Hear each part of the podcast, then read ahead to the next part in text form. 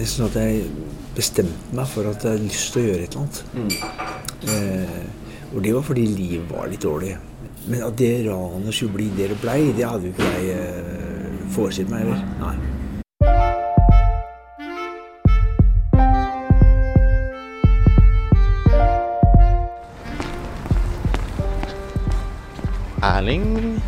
Hei. Kenneth.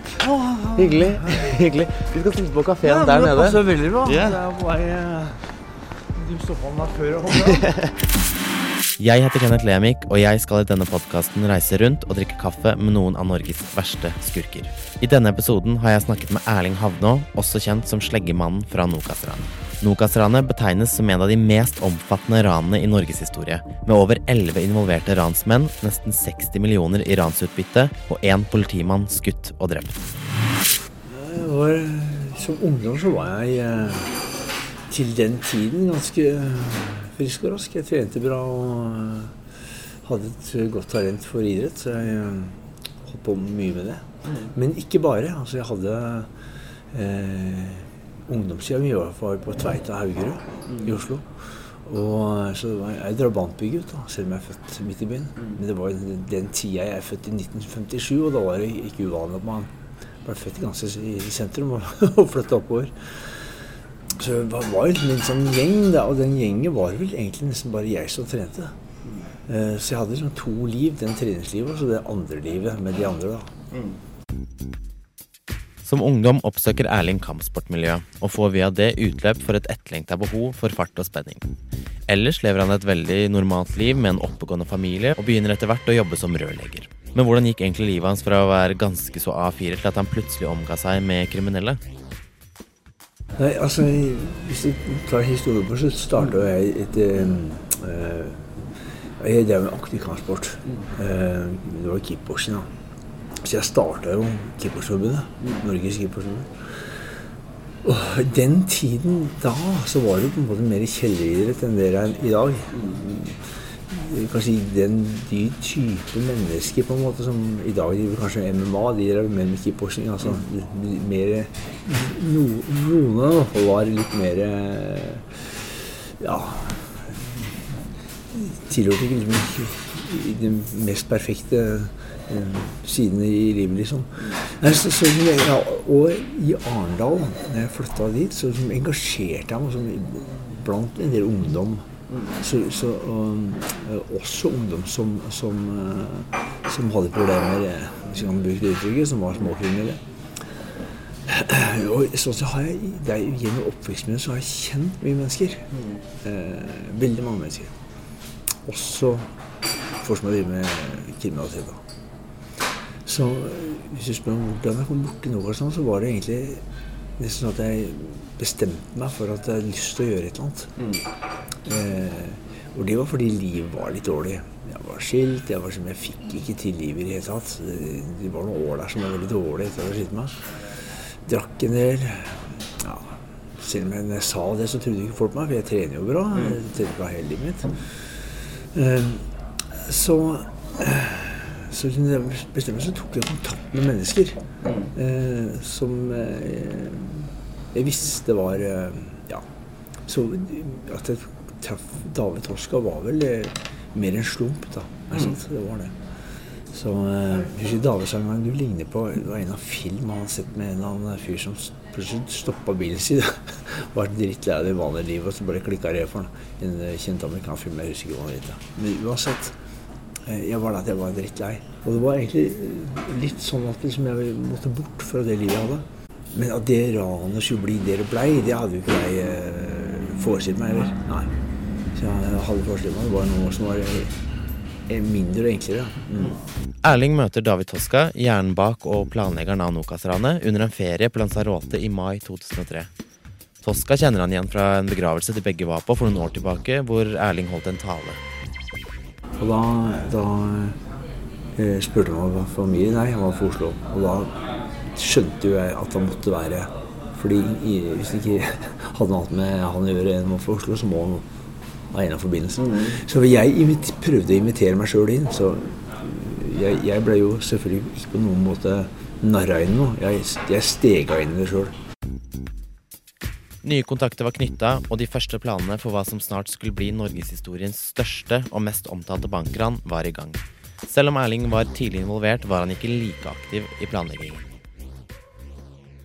Så jeg var så lite aktiv at liksom, jeg er fremdeles ikke kjent i Stavanger. Altså Hvis du hadde bedt meg kjøre dit vi vi skifta biler, så hadde jeg ikke funnet fram. Så uh, så lite aktiv var jeg. Etter lang tid med planlegging og flere avlyste forsøk er en gruppe på elleve personer, deriblant Erling, på plass ved tellesentralen i Kongsgata i Stavanger.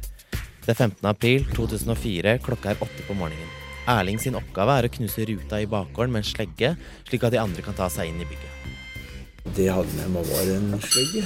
Og det vinduet var på forhånd sjekka. så vi antok da, og vi var ganske sikre på at det vinduet var eh, et normalt vindu. Um, det var flere årsaker til det. Flere sånne logiske slutninger som, måtte, som gjorde at det kunne stemme.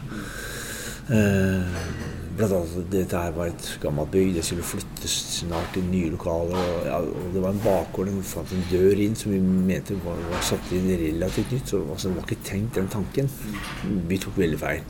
Det vinduet var mye mer massivt. Men det er sånn eh, optisk eh, narreri. Altså det, på utsiden så ser det vanlig vindu ut, men på innsiden så ser du laga innover. Utover.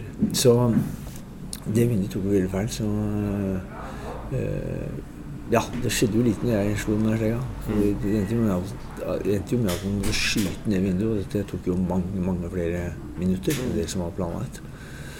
Så, og det var også flere folk som sa når vi holdt på at vi må ut, vi må trekke oss. Men uh, det ble ikke gjort, da. Altså, du kommer liksom til point of no return. Altså, da må du bare inn. Eh, her må, må, men altså, det var det som de som ledere, følte jeg. Så eh, jeg ble, var jo mer en brikke i dette her. Altså, jeg var mer hyra inn for en jobb. Jeg var ikke en av de på samme måte. Og jeg hadde lite, relativt lite kunnskap og oversikt over, eh, over he, altså hvem som gjorde hva osv. Så, videre. så jeg hadde min jobb. Men når vinduet kom ned, så begynte jeg da å bære bager etter hvert. Jeg fylte vel to bager sjøl med 200-lapper. Så jeg bar vel ut jeg tror det var 285 kilo som jeg, med penger. som jeg bar ut. Og ja, det er jo altså sånn kuriositet i livet. Det, det er ikke noe man kan oppleve igjen, da, for å si det sånn. Nå blir vel penger snart borte helt, så Og det var egentlig det, vi, det, var det som var min sak også. At dette er her antakeligvis siste mulighet for å gjøre sånne ting. Fordi kontanter er i ferd med å forsvinne. Det så jeg allerede selvfølgelig i 2004. Og det, det som er, blir sikra mer og mer. Så det å få tak i mye penger i kontanter, liksom, det er Det er siste western, liksom. Eh, og da var noe mot min motivasjon å sitte liksom på humre på et gamlehjem og tenke på at de var med på. Altså å ikke bli tatt for det, da, selvfølgelig. Å ha det som en god historie. Og det var en av motivasjonene mine. 57,4 millioner kroner rikere kommer ransmennene seg unna uten å bli tatt. En av ranerne var skutt i beinet, og en politimann drept etter skuddvekslinger mellom de to partene. Hvordan var det egentlig timene og dagene etter ranet? Nei, Det var veldig galt. fordi da hadde, jo det gått veldig galt. Det var altså en politimann som var drept. Uh, så det, det blei mer støy enn jeg uh, kunne forestille meg. Så uh, Og ikke så lenge etter det så døde broren min i ulykke. Og da blei jo kaoset tidobla. Så det husker jeg liksom ikke helt klart. Da. Det er liksom bare en sånn rus. Altså, jeg husker jeg klarer ikke å skille noen dager eller noe. Uh, før jeg da ble tatt, da. I juli. Da satt jeg på en kaffe på, på Smalgangen på Grønland. Tok en øl. Så kom noen inn og ba om at jeg skulle bli med. Det var ikke noe særlig kontakt mellom Erling og de andre etter ranet. 20.07.2004 ble han tatt av politiet og dømt til 14 års fengsel. Når jeg møter Erling nå, er det under ett år siden han ble en fri mann. Har ting forandra seg, og har han i det hele tatt noen kontakt med de andre nå? Altså, noen, noen av de har jeg ikke sett siden eh, Ja, på mange, mange, mange, mange år. Siden rettssaken. Men eh, Ja, hender jeg får noen hilsninger sånn ut av noen. Eh, noen, noen av dem har jeg også litt kontakt med. Så jeg har litt kontakt. De jeg har kontakt med, går jo bra med. Men det er jo sånn altså, det, er klart at det, Har du vært gjennom en sånn prosess som vi har, altså med, med et sånt forlis da, som vi var gjennom, å ligge i sånn en liten livbåt uh, som du kan si en sånn rettssak her. Vi satt jo tross alt uh, to ganger tre-fire måneder i, i, i retten. Jeg har vært med på det forliset her, så, så har det noe sammen. Altså man har et ting, opplevd noe som ingen andre skjønner. Så når jeg prater med dem, for å si det sånn, eh, og prater om det vi har vært igjennom, eh, så er det sånn så snakker jo vi samme språk. Altså, jeg tenker på straffen vi har vært igjennom. Det er vel som på en måte eh, Vi skjønner jo godt hva vi sier. Erling og jeg begynner å snakke om tiden etter fengsel, og det viser seg at det ikke bare er lett å komme ut til en verden i konstant utvikling.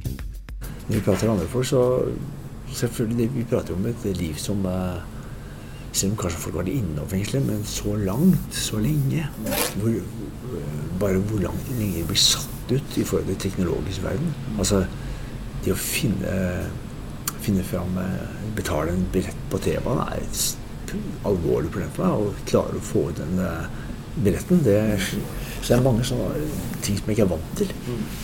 Eh, Fremdeles har jeg ikke vent meg til at du selger ikke vekslepenger i butikk oppi en sånn kasse. Eller at du får tilbake Det, det der er Jeg er så gammel, vet du. Så hjernen min på en måte er satt der han er. så, så når du har vært borte så mange år, så blir du sånn digital neandertaler når du kommer ut. Så jeg forstår jo veldig lite av eh, telefongreier og ja. Åpner sånn nye PC-er, så forstår jeg ikke hva det er som er der. Så jeg, jeg må prøve å få tak i et eller annet som er fra 90-tallet, som jeg kan forstå litt av. Så hvis noen har en gammel PC, så vil jeg veldig gjerne at de tenker på meg før min var, altså, for jeg er veldig godt til meg som gammel. Dessuten har jeg ikke råd til noe nytt, da, men når jeg ser de nye, så jeg klarer ikke å åpne engang. Nei, det, det er problemet når det er lenge borte altså, fra, fra samfunnet. Det, det, endrer seg faktisk en del sånne ja, både språk eller uttrykk og app eller hva faen folk snakker om. Jeg aner ikke hva sånt det er. Er det én ting som har engasjert Erling de siste årene, så er det fengsel og straffesystemet i Norge. For at folk trenger opplysning. De, de, det er sånne myter som går. Det samme myte som de sier at liksom eh, Du må ikke miste såpa i dusjen i fengselet. Nei, jeg vet ikke hvorfor du ikke gjør det. For jeg kan si de elleve åra jeg satt, så så jeg én penis, og det var min. Ja, så så lite sexy er det for homser.